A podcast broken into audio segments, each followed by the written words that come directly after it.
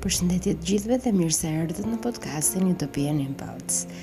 Ja ku ritakohemi përsëri në episodin e radhës të romanit Bija e Fatit për të filluar një pjesë tjetër, në pjesën e dytë të këtij libri, i cili daton në vitet 1848 1849, një roman i gjatë por i mrekullueshëm, i cili të mban të mbërthyer gjatë gjithë kohës së leximit në çdo faqe, në çdo rresht. Duke kthyer edhe një herë vëmendjen nga të gjithë dëgjuesit e podcastit Utopian Impulse, Ju falënderoj të gjithë shqiptarët që më ndiqni, edhe ata që janë jo shqiptarë patjetër, edhe ju ftoj të qëndroni përsëri në podcast dhe të shkarkoni episodet. Lajmi. Më datë 21 shtator, ditën e parë të pranverës, sipas kalendarit të Mis Rozit, u ajruan dhomat, u nxorën në diell dyshekët edhe batanijet, U lyen me dyll mobiljet prej druri edhe u këmbyen perdet e sallës. Mama Frezia i lau ato prej kretoni me lule pa u turbulluar, e bindur se njollat e thara do të ishin një shurrë miu. Në oborr, futi tinarë të mëdhenj për të larë Teshat me ujë të ngrohtë, ku kishte hedhur brenda lëvozhë kuili. I la të njomeshin perdet për një ditë të tërë, i kollarisi me ujë orizi dhe i thau në diell për t'i uruar mirëseardhje stinës së re.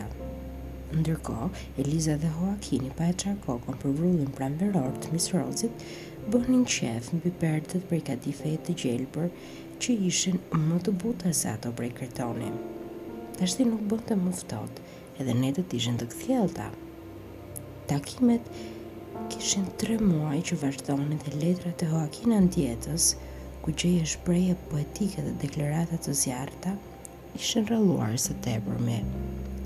Eliza e ndjente mungesën e dashnorit dhe herë përqafonte një fantazmë, edhe pse e mundonin ankthi i dëshirës së paplotësuar edhe pesha ndrydhëse e kaq shumë të fshehtave. Vajza kishte rifituar paqen, të paktën në dukje. I kalonte orët e ditës duke u marrë me punë të përhershme, duke iu kushtuar librave dhe ushtrimeve në piano, apo e zënë me punë në kuzhinë edhe në dhomën e punëtores së grarisë dhe s'tregonte as dëshirën më të vogël për të dalë nga shtëpia. Por po t'ia kërkonte mis Rozi, e shoqëronte e gatshme si njeriu kur s'ka ç'të bëjë tjetër. Binte për të fjetur, edhe zgjohej herët si gjithmonë, hante me oreks dhe dukej mirë me shëndet. Por këto shenja të një gjendje normale u zgjonin dyshime të llahtarshme mis Rozit edhe mama Fresias. Nuk ia shqisnin sytë. Nuk ishin të bindura se dalldia e dashurisë kishte avulluar aq shpejt, por meqë kishin kaluar disa javë dhe Eliza s'kishte dhënë asnjë shenjë turbullire, dalëngadalë e pakësuan kujdesin. Mbase qirinjtë që i kishin ndezur Shna Ndout, e kishin bërë njëfarë efekti, mendoi indioja. Mbase në fund fundit nuk ishte punë dashurie, mendoi Miss Rozi pa qenë shumë e bindur. Lajmi se në Kaliforni ishte zbuluar ar në Kili mbërriti në gusht. Të parët që e përhapën atë lajm qenë lundërtarët e dehur nëpër bordelet e Almendralit, që dukeshin sikur të kishin parë ndonjë vegim. Por, pak ditë më vonë, kapiteni i anijes Adelaida njoftoi se në San Francisco i kishin lënë hijen gjysma e detarëve të tij. Ari gjendet gjithandej, mund ta mbledhësh me lopatë, kanë parë pepita të mëdha sa një kokërr portokalli. Me pak mund njeriu arrin të bëhet milioner, tregonte ai, entuziast sa s'thuhej. Në janar të atij viti, pranë mullirit të një fermeri zvicerian në brigjet e American River, njëfarë Marshalli kishte gjetur në ujë një cifël ari. Ajo copëz e verdhë që do të çmendte njerëzinë u zbulua nëntë ditë mbas nënshkrimit të traktatit Guadalupe Hidalgo, që shpalli mbarimin e luftës ndërmjet Meksikës edhe Shteteve të Bashkuara. Kur u përhap lajmi, Kur u përhap lajmi, Kalifornia nuk i përkiste më Meksikës. Para se të merrej vesh që ai territor shtrihej mbi një thesar të pafund, askush nuk ishte interesuar kushedi për të. Për amerikanët ishte një krahinë indianësh dhe pionierët pëlqenin më shumë të pushtonin Oregonin. ku ishin të bindur se bujqësia jepte prodhime të mira. Meksika e quante një fole hajdutësh dhe gjatë luftës as që begeniste të dërgonte trupa për ta mbrojtur. Pak kohë më vonë, Sam Brannan, botues i një gazete predikuese mormone, që ishte ngarkuar të përhapte fenë, po i binte kryq e tërthor në San Francisco, duke u përballur Me lajmin e mirë. Mbase nuk do t'i kishin besuar meqë kishte dalë një nam jo fort i mirë, qarkullonin fjalë se i kishte shpërdoruar paratë e Zotit dhe se kur kisha mormone kishte kërkuar që t'i kthente ato, ai qe përgjigjur se do t'i kthente, po t'i lëshohej një dëftesë e nënshkruar nga Zoti. Nëse fjalët e tij nuk do të provoheshin, nga një shishe e vogël plot me pluhur ari që kaloi dorë më dorë, duke bërë që njerëzit të mos përmbaheshin më dhe duke thirrur ar, ar, tre në çdo katër veta braktisën gjithçka dhe u nisën drejt shtresave që përmbanin ar. U detyruan të mbyllnin të vetmen shkollë, sepse nuk qëndruan në qytet as fëmijët. Edhe në Kili, lajmi shkaktoi të njëjtën gjë. Rroga mesatare ishte njëzet centavos në ditë dhe gazetat shpallnin lajmin se më në fund ishte zbuluar Eldoradoja. Qyteti i ëndërruar nga pushtuesit, rrugët e të cilit qenë shtruar me metal të çmuar. Pasuria e minierave është si ajo e tregimeve për Simbad për Simbadin apo llampën e Aladinit. Pa e tepruar, çmohet se fitimi ditor është një ons ari të kulluar. Shkruanin gazetat edhe shtonin se kishte aq me bollëk sa mund të pasuroheshin mijëra njerëz për dhjetëra vjet. Zjarri i grykësisë u përhap menjëherë midis kilianëve që kishin shpirt minatori dhe një muaj më vonë filloi rendja drejt Kalifornias. Pastaj ndodheshin në gjysmën e rrugës në krahasim me cilindo aventurier tjetër që duhej të kapërcente Atlantikun. Duheshin tre muaj rrugë nga Evropa në Valparaiso, edhe dy të tjerë për të arritur në Kaliforni. Largësia midis Valparaisos edhe San Franciscos nuk i kalonte 7.000 miljet, ndërsa nga bregu lindor i Amerikës së Veriut, duke kaluar nëpër Kepin Horn, bëheshin gati 20.000, dhe siç e llogariti Joaquin Andieta, ishte një përparësi e madhe për kilianët, mbasi ata që do të mbërrinin të parët, do të shtinin në dorë damarët më të hajrit. Feliciano Rodriguez de Santa Cruz bëri të njëjtin hesab edhe pse me 5 nga minatorët e tij më të zotë e më besnikë vendosi të niste udhëtimin pa humbur kohë duke u premtuar atyre një shpërblim të majmë që do t'i nxiste të linin.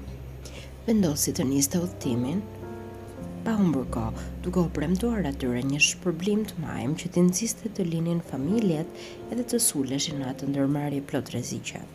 I kushtoi tri javë përgatitjes së plaçkave të përshtatshme, duke llogaritur një qëndrim disa muajsh në atë tokë në veri të kontinentit, të cilën e përfytyronte të izoluar edhe të egër. Ai kishte një përparësi të madhe ndaj pjesës tjetër të njerëzve të pakujdesshëm që niseshin qorrezi pa mjete, të shtyrë nga tundimi për t'u pasuruar me lehtësi, pa pasur as idenë më të vogël se ç'rreziqe edhe ç'mundime paraqiste ajo ndërmarrje. Së shoqes, e cila po priste fëmijën e dytë, por që ngulte këmbë të shkonte me të, i tha se nuk kishte ndërmend ta thyente kurrizin më dysh duke punuar si kafshë, prandaj donte të udhëtonte i pajisur më së miri, duke patur mbas vetes shërbyes të besës. Paulina mendonte të nisej me dy dado, me gjellbërësin, me një lopë e me disa pula, që t'u siguronin çdo ditë qumësht dhe vezë fëmijëve gjatë lundrimit. Por i shoqi ia preu shkurt, mendimi që të nisej për një odise të tillë duke marrë me vete tërë familjen ishte një projekt i çmendur. E shoqja s'ishte në to. Si quhej kapiteni, miku i Todit? Ia ndërpreu fjalën Paulina, duke mbajtur në ekuilibër një filxhan kakao përmbi barkun e fryrë, ndërsa ishte duke kafshuar një ëmbëlsirë me petë edhe qumësht kutie, recetën e së cilës ia kishin dhënë murgeshat françeskane të urdhrit të Shën Klarës së Asizit. E ke fjalën për John Sommersin? Ai që ishte mërzitur duke lundruar me vela dhe fliste se do të nise me një avullore. Ai është. Paulina nisi të mendohej, gjithë duke ngrënë ëmbëlsirën pa u bërë as pak merak për tërë ato rreziqe që po i numëronte i shoqi. Ishte shëndoshur, kishte mbetur pak gjë nga ajo çupka thatime që ishte arratisur nga manastiri me kokën e rruar. Sa kam në llogarinë time në Londër? Pyeti më në fund. 50 mijë stërlina, je një zonjë fort e kamur. Jo dhe aq. A mund të më huash dyfishin e shumës me një interes prej 10%? për të të paguar për tre vjet? Po tashti çfarë dreqin të ka pjellë mendja? Ç'të duhen gjithë këto para? Për një avullore, biznesi i vërtetë nuk është ari Feliciano, që kur mbyllet Panamaja mbetet gjë pa vlerë. Biznesi i vërtetë janë minatorët. Kanë nevojë për gjithçka në Kaliforni, edhe të paguajnë me të holla në dorë. Thonë se avulloret çajnë fjollë, nuk u nënshtrohen tekave të erërave, edhe janë të mëdha e më të shpejta. Anijet me vela i përkasin tashmë të kaluarës. Feliciano vijoi të merrej me projektet e veta, por përvoja e kishte mësuar të mos e nënvleftësonte nuhatjen financiare të së shoqes. Për disa netë me radhë nuk fjeti dot, shëtiste pa pikë gjumi nëpër sallonet elegante të shtëpisë së tij të bukur, midis thasëve me harxh dhe arkave me vegla, fuçive me barut dhe pirgjeve me armë, që kishte bërë gati për udhëtim, duke peshuar e matur fjalët e Paulinës.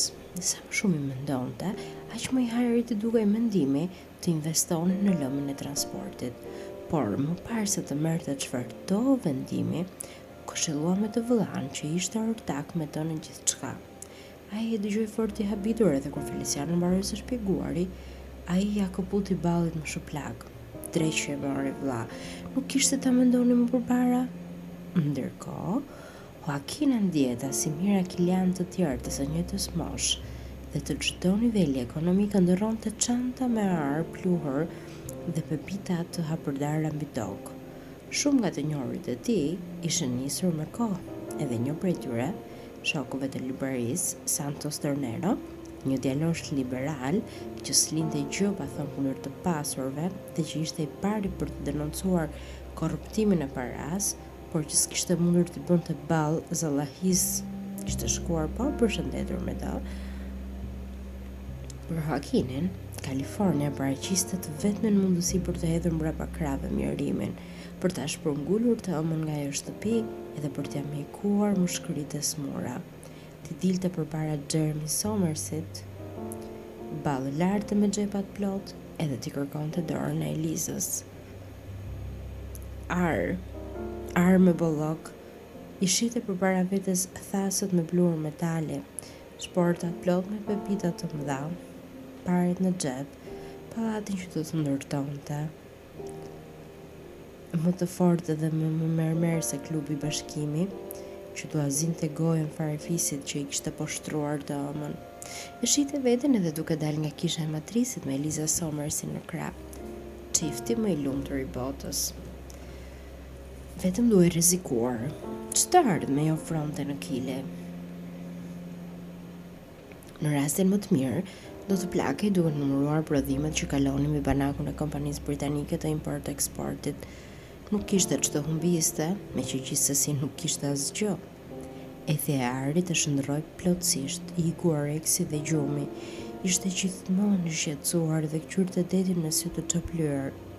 Miku i tij, librashitës, i huajti libra dhe harta të Kalifornisë edhe një broshurë që tregonte si lahej metali, të cilën ai e lexoi i etur ndërsa bënte llogari të marra, duke shpresuar se do t'ia dilte të paguante udhëtimin.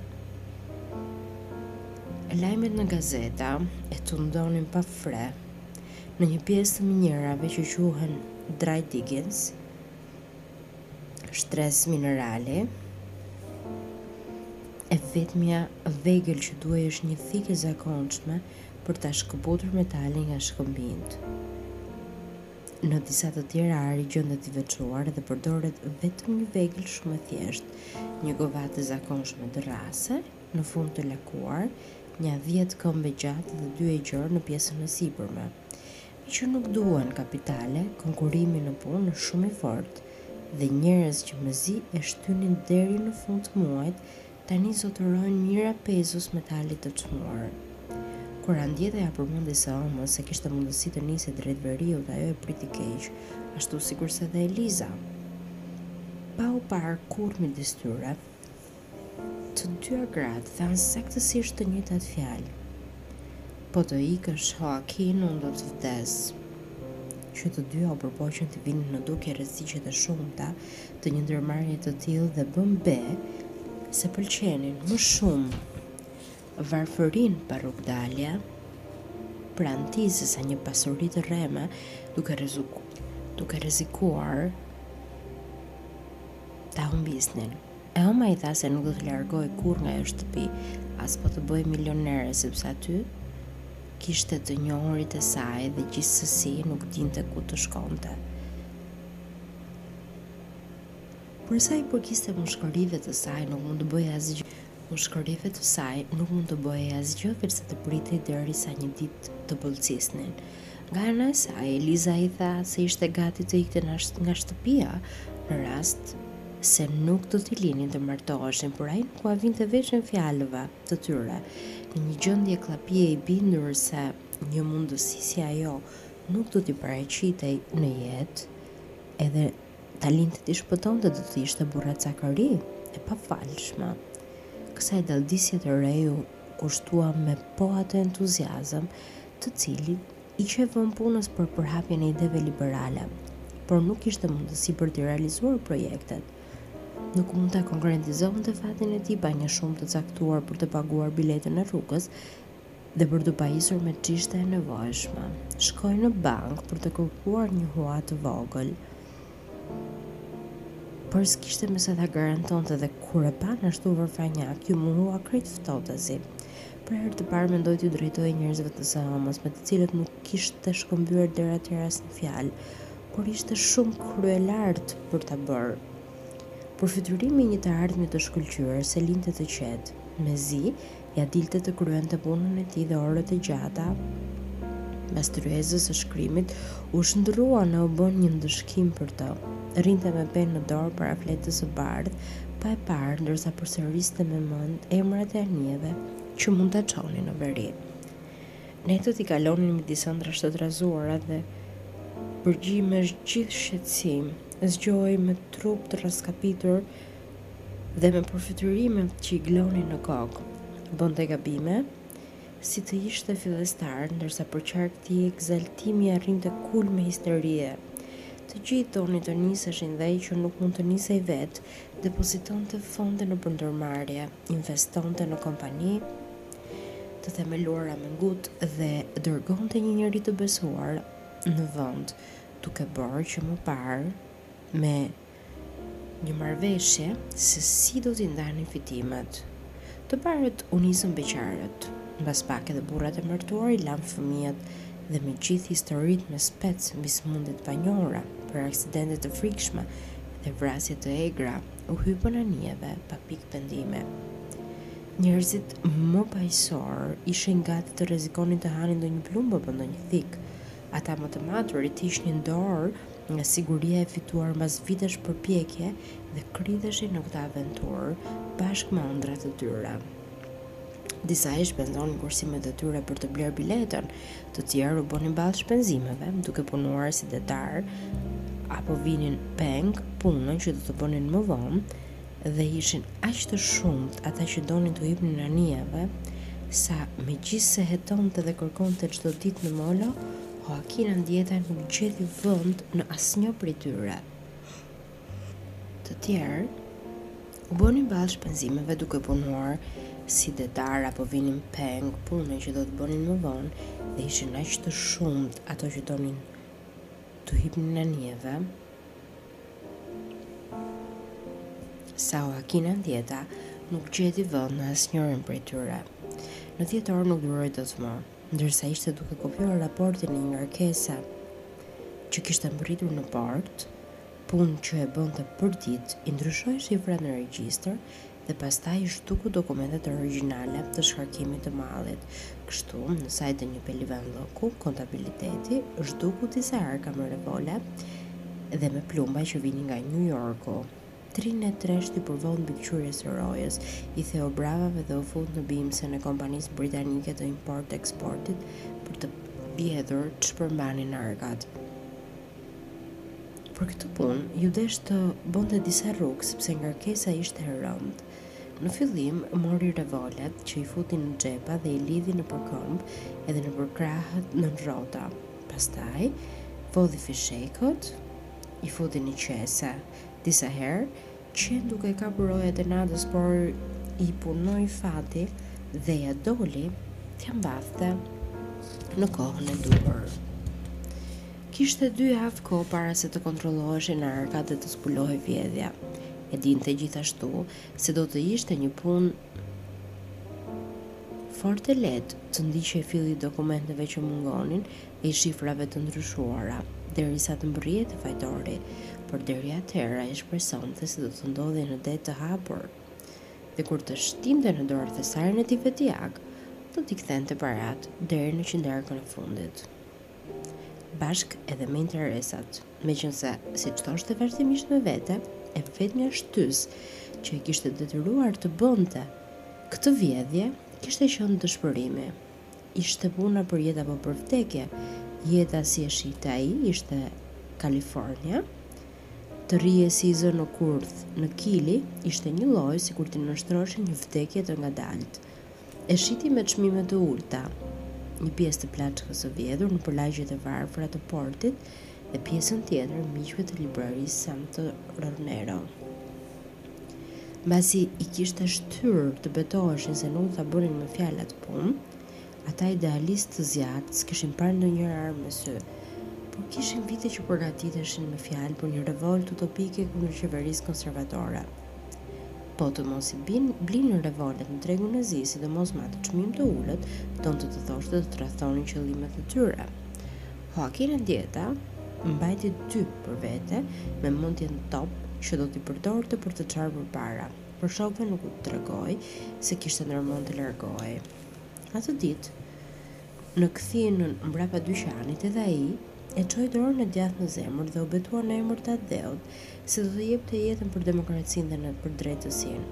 Të nesërmen në mëngjes bleu një biletë të klasit të tretë për me të parën anije që do të nisej ato ditë edhe disa shporta me miell, groshë, oriz, sheqer, mish kali të thatë, rriska sallami, të cilat do të përdoreshin me kursim, mund t'i mjaftonin, edhe pse me vështirësi, për sa kohë do të zgjaste udhëtimi.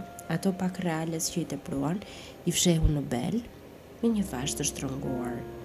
Natën e 22 dhjetorit u nda nga Eliza dhe nga mëma e tij dhe të nesërmen u nis për në Kaliforni. Mëmë Fresia i zbuloi letrat e dashurisë krejt rastësisht, tek ishte duke nxjerrë nga toka qepët në kopshtin e vogël të oborrit të brendshëm. Sfurku i hasi në kutinë prej llamarine. Nuk dinte të lexonte, por mjaftoi t'u hidhte një sy që ta kuptonte si ishte puna. Në fillim mendoi t'ia jepte mis Rozit, sepse mjaft ta prekte atë kuti dhe merrej vesh që ishte gjë me zarar të madh. Ishte gati të bënte be se ajo tufëz letrash të lidhura në kordele, rrihte si një zemër e gjallë, por dhimbësuria për Elizën doli më e fortë se maturia dhe në vend t'i drejtohej padrones, i futi përsëri letrat në kutinë e biskotave, i fshehu nën fundin e gjerë dhe duke psherëtirë bëri drejt dhomës së vajzës. E gjeti Elizën të ulur në një karrige me trupin drejt dhe me duart mbi fund, si të ishte në kishë, duke soditur detin nga dritarja, fort e përqendruar dhe me një ankth të atillë, sa edhe ajri rreth saj ishte rënduar dhe mbushur me parathënie ogurzeza. Ia vuri kutinë në prehër edhe priti më kot që ajo t'i jepte ndonjë shpjegim. Ai njeri është djalli vetë, ka për të të sjellë vetëm fatkeqësi, i tha më në fund. Fatkeqësitë kanë filluar. Ai ka gjashtë javë që është nisur për në Kaliforni dhe mua s'më kanë ardhur zakonet. Mëmë Fresia u ul përdhe këmbëkryq. siç e kishte zakon kur ishte në hall të madh, dhe filloi të luhatej para mbrapa duke rënkuar mbyturazi. Pusho mamita, mund të na dëgjojë mis Rozi, iu lut Eliza. Një fëmijë gjirizi, një huanko, po tani ç'të bëjmë, bijo, ç'të bëjmë?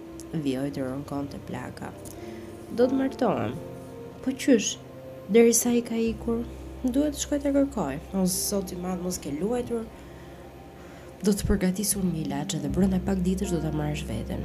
Gruaja përgatiti një çaj me bërdullak edhe një lëng me glasa pulash të tretura në birrë dhe ia dha Elizës që t'i pinte tri herë në ditë. E porositi gjithashtu të bënte banja me squfur nga beli e poshtë edhe të vinte kompresa me hardall mbi bark.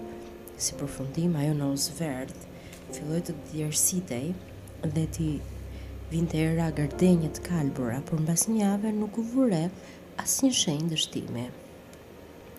Mëmë Frezia e ndau mendjen se pa asnjë dyshim foshnja ishte një mashkull i mallkuar, prandaj edhe i ngjitej kësisoj barkut të së ëmës. Një fatkeqësi e tillë ishte tepër e madhe Në atë mes ishte djalli vetë edhe vetëm mësuesja e saj, Makia mund ta mposhte një mënxyrë aq të madhe. Po atë mbasdite u kërkoi lejë zotërinjve që të largohej. E bëri përsëri me këmbë rrugën e lodhshme dhe iu paraqit me kokë të përthyer magjistricës plakë edhe të verbër, i çoi dhuratë dy ëmbëlsira të gatitura me fruta dhe një rosë të pjekur. Makia i dëgjoi ngjarjet e fundit dhe me një pamje të mërzitur, sikur ta dinte se ç'kish bërë vaki.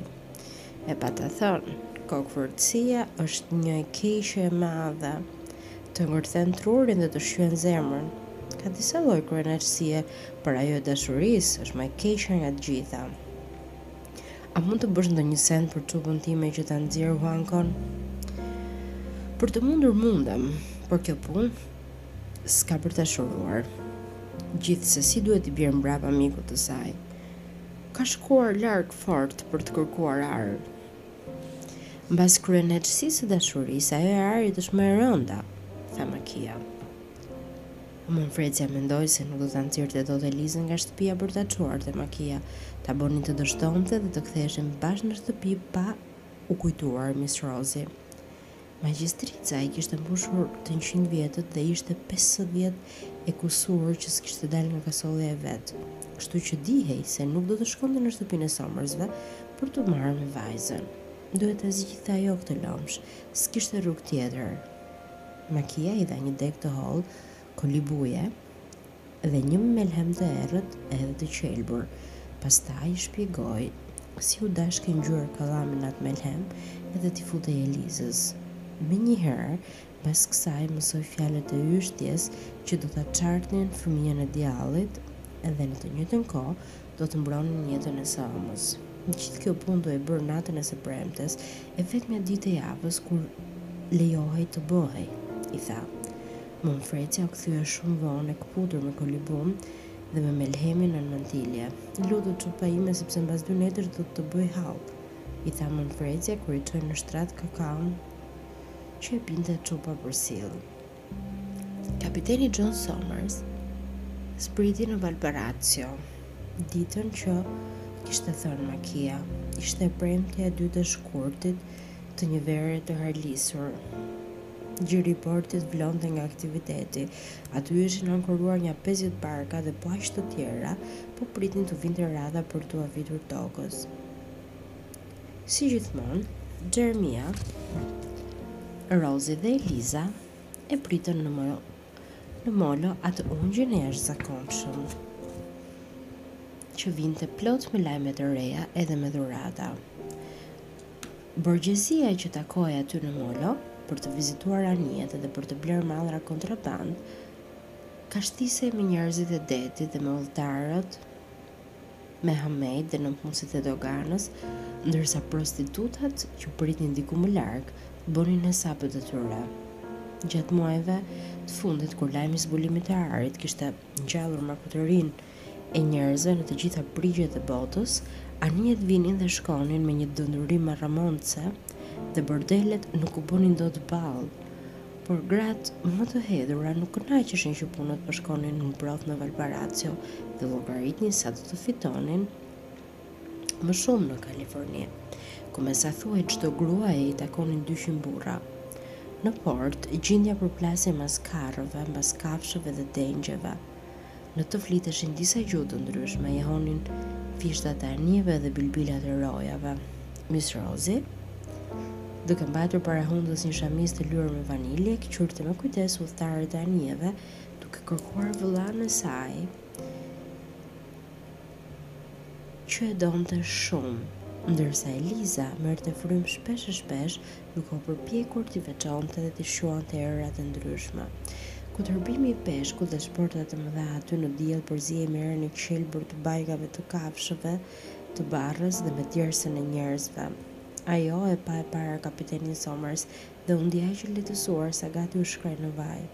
E kishte pritur për kaq muaj të tërë e bindur se vetëm ai do ta kishte kuptuar ankthin e zemrës së saj të lënduar. Nuk i kishte folur Miss Rozit për Hoakin Andietën dhe aq më pak Xheremi Somersit, por ishte e sigurt se ungji lundrimtar, i cili nuk habitej dhe nuk do të trëmbej nga asgjë, do ta kuptonte. Me të vënë këmbë në tokë kapiteni, Eliza dhe Miss Rozi iu hodhën në qafë të gëzuara sa s'ka. Ai i zuri të dyja për beli me krahët e tij të fortë si një krah pirati. I ngriti njëherësh nga toka dhe filloi t'i rrotullonte si verle. mes britmave gazmore të Miss Rozit dhe atyre të protestës së Elizës që ishte gati duke nxjerrë. Jeremy Somersi e përshëndeti, duke i tokur dorën dhe duke u çuditur si ishte e mundur që i vëllai nuk ishte ndryshuar aspak në ato 20 vjetët e fundit, edhe vazhdonte të kishte një dërrasë mangut si gjithmonë. Çfarë ke çupë?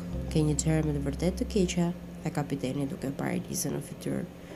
Kam ngrënë fruta të papjekura, xhaxha, i tha ajo, duke u mbështetur mbas tij që të mos binte, meqë i merreshin mendtë. E di që s'keni dalë në port për të më pritur, keni ardhur për të blerë parfuma, apo jo? Jua tregoj unë kush i ka më të mirët, drejt nga Parisi. Atë çast, i kaloi pranë një i huaj dhe e goditi pa dashje me një valixhe që mbante në krah. John Somers u kthye nga ai i zemëruar, Po kur e njohu, ia plasi njërit prej atyre mallkimeve të tij të zakonshme, që i thoshte për shaka, dhe e zuri për krahu. Eja të të paraqes familjen time kinez, i tha me përzemërsi.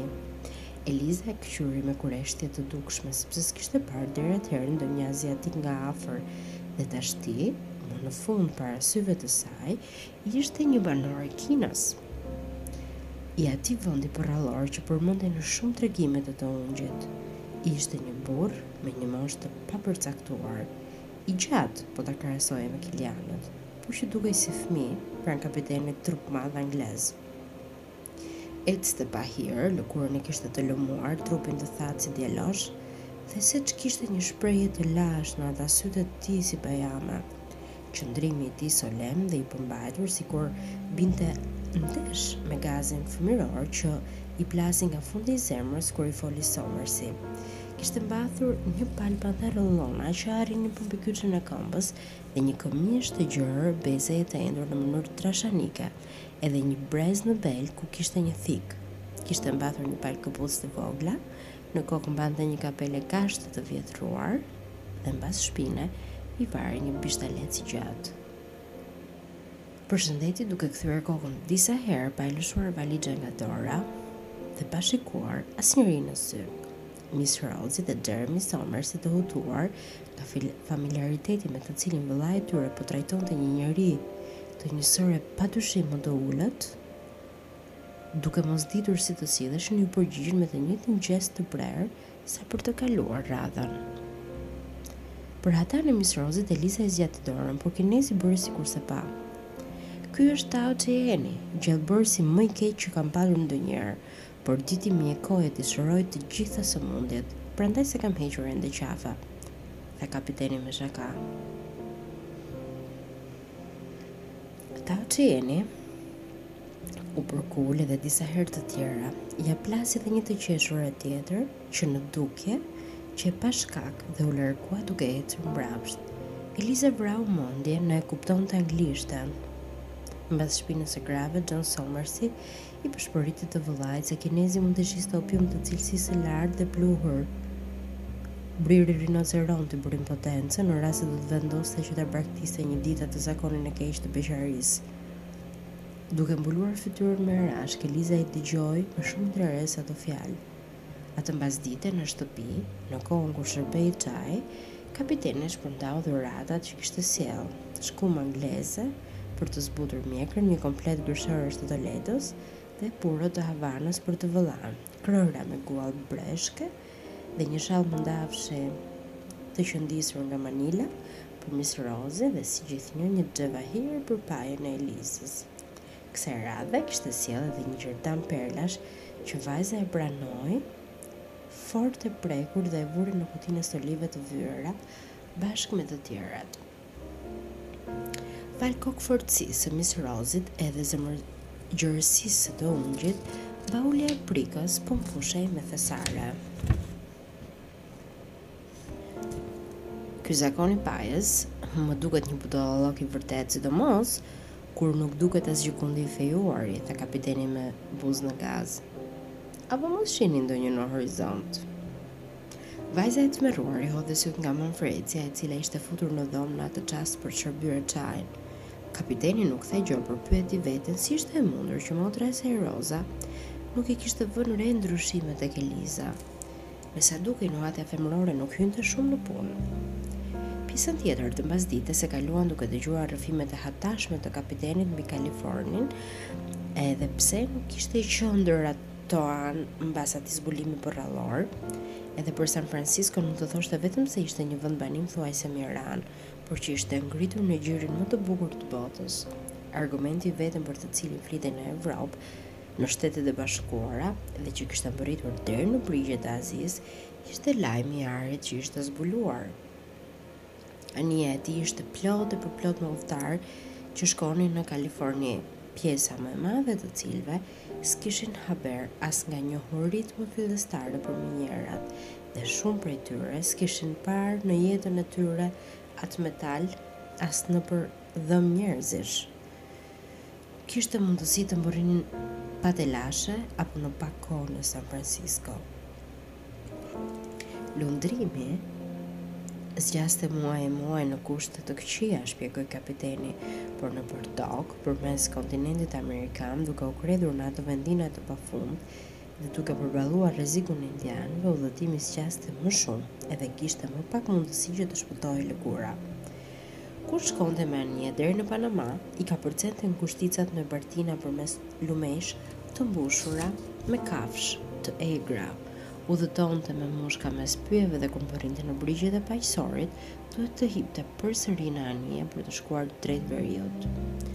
Duhet të përballonte një vapë të pashpirt me gjarpërinj helmues, me mushkonja, me epidemi kolere dhe ethesh të verdha, pa llogaritur dashakeqësinë, e pa krahasimtë të njerëzve. Ata udhëtarë që shpëtonin pa rënë nga kafsha në humnerat apo rreziqet e kënetave, kur dilnin në anën tjetër, binin pre e banditëve që u zhvatnin gjithë ç'kishin, apo e mercenarëve që i rripnin nga paret për t'i çuar në San Francisco, dyndur si kafshë në anije rrangalla. Është shumë e madhe Kalifornia? pyeti Eliza, duke u përpjekur të kontrollonte zërin që të mos jepte ankthin që ndjente në zemër. Sillmë një hartë të ta tregoj, është shumë e madhe se Kili. Dhe si e gjejnë arin, thonë se ndodhet gjithandej, por në rast se dikush, kështu kot sa për shembull kërkon të gjejë një njeri në Kaliforni, është shumë e vështirë, ia ktheu kapiteni, duke vrojtuar me vëmendje shprehjen e fytyrës së Elizës. Ke për të shkuar gjë andej herës tjetër, Xhaxha? Më kanë propozuar një ofertë të hajrit edhe ma do mendja se s'kam për ta pranuar. Disa investitorë kilianë duan që të ngrenë një shërbim të rregullt mallrash dhe udhëtarësh për në Kaliforni. Kanë nevojë për një kapiten për avulloren e tyre. Atëherë kemi për të të parë më shpesh, Xhon, thirri Rozi. Atëherë kemi për të të parë më Shpesh. Ti s'ke përvojë me avulloret, vërejti Xheremi. Jo, por e njoh detin më shumë se kushdo tjetër. Natën e së premtes së caktuar Eliza priti që shtëpia të kridhej në qetësi dhe shkoi të takonte mëmë Frecian në kasollen në fund të oborrit të brendshëm. U ngrit nga shtrati dhe shkeli zbathur, veshur vetëm me një këmishë nate batisti. Nuk e kishte idenë se çfarë bari do t'i jepej, por ishte e sigurt se s'kishte për të qenë punë e lehtë, nga përvoja e saj e dinte se të gjitha barnat janë të pakëndshme, por ato të Indios ishin me gjithë mend të pështira. Mos e ki hall çupë, do të të dënd me raki aq sa kur të dalë pija nuk do ta kujtosh dhimbjen. Por do të kemi nevojë për më shumë lecka për të mbledhur gjakun, i tha ajo. Eliza e kishte bërë shpesh atë copë rruge në mes të errësirës për t'u takuar me dashnorin dhe nuk kishte pse të ruhej, por asaj nate ecte shumë ngadalë edhe duke ngurruar, mjaft që të kishte një shkas për të mos të mos shkuar në takimin e mëmë Frecias. Uronte të binte ndonjë prej atyre tërmeteve kiliane që shembnin gjithçka. Këmbët i ngrinë dhe në shpinë i kaluan mornica. S'e kuptoi, Që qe punë të ftohti apo frike për atë që do të bënte vaki apo paralajmërim i fundit i ndërgjegjes. Qysh në shenjat e para të barrës e kishte dëgjuar atë zë që e thërriste. Ishte zëri i fëmijës që nga thellësia e barkut kërkonte të drejtën për të jetuar. Eliza nuk kishte pikë dyshimi për këtë, përpiqej të mos e dëgjonte dhe të mos mendonte. Kishte rënë në grackë, sepse po fillonte të dukej gjendja e saj. Për të nuk do të kishte as shpresë, edhe as falje. Askush nuk do të tregonte mirëkuptim për lajthitjen e saj dhe as që do të kishte mënyrë për të vënë në vend nderin e humbur. As lutjet dhe as qirinjtë e mëmë Frecias, S'do ta ndalnin kopil. Dashnori i saj nuk do të kthehej nga gjysma e rrugës që të vraponte të martohej me të. Tashmë ishte shumë vonë. E tmerronte mendimi që do të përfundonte si mama e Hoakinit, me atë vulë turpi mbi shpinë, e përzënë nga familja, Edhe e detyruar të jetonte me një fëmijë kopil mes mjerimit dhe vetmisë, nuk do ta përballonte dot që ta përzinte familja, më mirë të vdiste një herë e mirë. Edhe mund të vdiste për bukuri, po atë natë nga dora e asaj gruaje të mirë, që e kishte rritur dhe që e donte më shumë se kushdo tjetër në botë.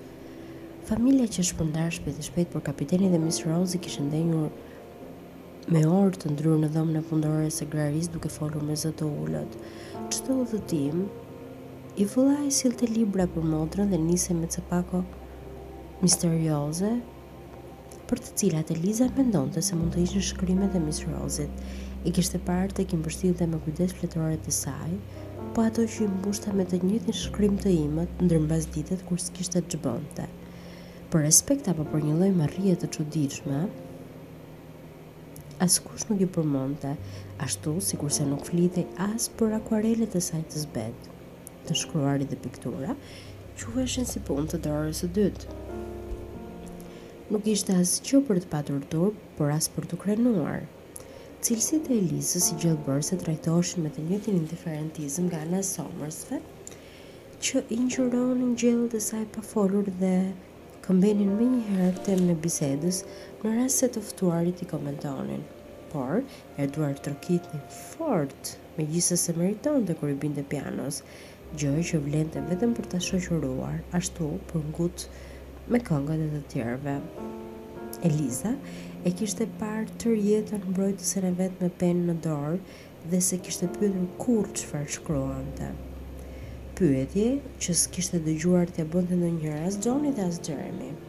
Ishte kureshtare të merrte vesh pse i ungji merrte fletoret e mis Rozit me aq shumë kujdes, por edhe pse s'ia kishte thënë kush, e dinte se kishte të bënte me një nga ato të fshehtat themelore mbi të cilat mbështetej ekuilibri i familjes dhe po të cenohej, rrezikohej që të shëmbej kështjella prej letre, në të cilën jetonin në një fjerë. Kishte kohë që Xheremia dhe Rozi po flinin në dhomat e tyre dhe ndoshta mbas darke ungji Xhoni mund të kishte dalë të shëtiste me kalë. Duke ja njohur shprehjet kapitenit, Vajza mendoi se do të ishte duke u harlisur me ndonjë nga ato mikeshat e tij mendjelehta, po ato që e përshëndetnin kur nuk ishte Miss Rozi, e dinte se kërcenin e pinin, por meqë për prostitutat kishte dëgjuar të flitej vetëm me një fije zëri, nuk i shkoi ndërmend ndonjë gjë më e pacipë. Nuk i shkonte aspak ndërmend se mund të bëhej për para apo për qejf çka kishte bërë ajo me Hoakin Andietën për dashuri.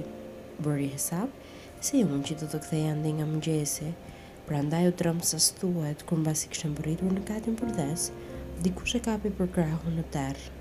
Ndjeu ngrohtësinë e një trupi të madh pranë të vetit dhe një erë alkooli e duhani që e bëri të dallonte menjëherë se ishte i ungji. U përpoq t'i shpëtonte dore ndërsa po shkonte ndër mend se ç'mund t'i thoshte pse ndodhej aty në atë orë me këmishë nate, por kapiteni e çoi me dhunë në bibliotekën që mezi ndriçohej nga ndonjë rreze hëne që vinte nga dritarja e detyroi të ulej në poltronën me lëkurë angleze të Xheremisë dhe nisi të kërkonte shkrepset për të ndezur llampën.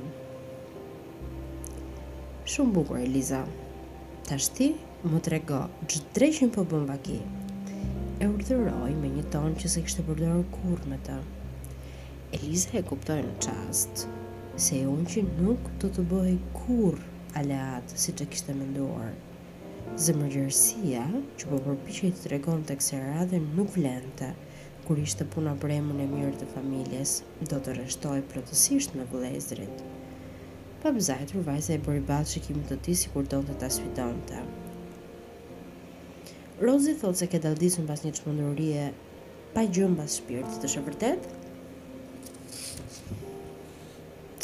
E kam parë dy herë xhaxha Xhon, edhe para do muajsh.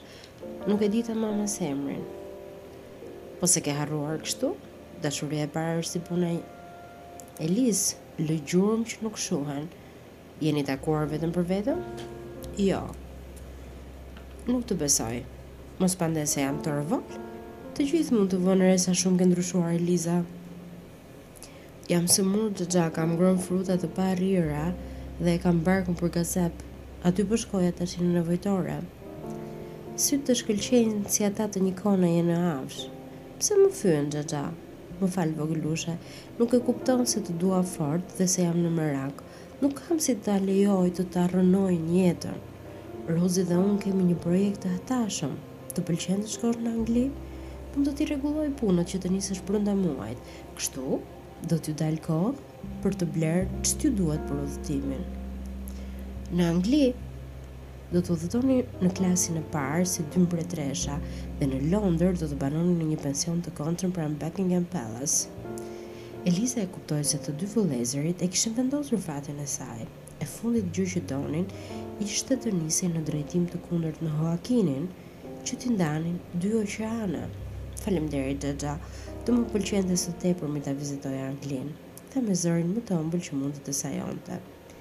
Kapiteni ktheu gota brendi njërën pas tjetrës, ndezi llullën dhe i kaloi orët që kishin mbetur duke numëruar të mirat e jetës në Londër, ku një zonjushë si ajo do të mund të jetonte në gjirin e shoqërisë së zgjedhur dhe të shkonte ndër ballot, në teatër, në koncerte, të blente fustane më të bukura dhe të bënte një martesë si duhet. Moshën e kishte. Po pse nuk do t'i pëlqente të shkonte në Paris apo në Itali? Njeriu nuk mund të vdiste pa parë Venecian apo Firencen. Ai do t'ia përmbushte të gjitha tekat. Në fund të fundit, a s'e kishte bërë gjithë përherë? Bota ishte e mbushur me burra të pashëm, interesantë dhe me një pozitë të hajrit. Do ta vërtetonte vetë me të dalë nga ajo vrimë ku ishte varrosur në atë port të harruar. Valparaiso nuk ishte vend i përshtatshëm për një vajzë aq të lezetshme dhe të edukuar si ajo. Nuk kishte faj në ishte dashuruar mbas të parit që kishte dalë para sysh. jetonte e ndryrë dhe për sa i përkiste atij djalit, si e kishte emrin? Mvartës i Xheremis, jo? Shumë shpejt do ta harronte. Dashuria, e siguroi, vdes se s'bën kur digjesh përbrenda apo shkulet me rrënjë kur je larg, nuk mund ta këshillonte askush më mirë se ai. Pa dashur të lavdërohej, Ishte ekspert për punë largësish dhe dashurish që ishin bërë hi. Nuk e kuptoj për çfarë je duke folur xhaxha, Miss Rozi ka sajuar një roman dashurie duke u nisur nga një gotë me lëng portokalli? Pat ardhur dikush të linte disa pako dhe unë i ofrova një pije freskuese. E piu, pastaj shkoi. Kjo është e tëra, nuk ndodhi asgjë dhe s'e kam parë më. Nëse ka ndodhur kështu si po thua ti, je me fat. Nuk do të jesh e detyruar ta shkulësh këtë fantazi nga koka. John Somersi vazhdoi të pinte dhe të fliste deri në agim, ndërsa Eliza, e pulitur në poltronën prej meshini nisi të dremiste, duke menduar se më në fund Zoti e kishte dëgjuar lutjet. Nga ilaçi i mëmë Frezies s'e kishte shpëtuar një tërmet aq shumë i dëshiruar, por e kishte shpëtuar i ungji i saj. Në kasollën në fund të oborrit, Indioja priti gjithë natën. Edhe këtu do ta mbyllim këtë episod. Ju falenderoj për vëmendjen tuaj dhe mirë dëgjofshim së shpejti.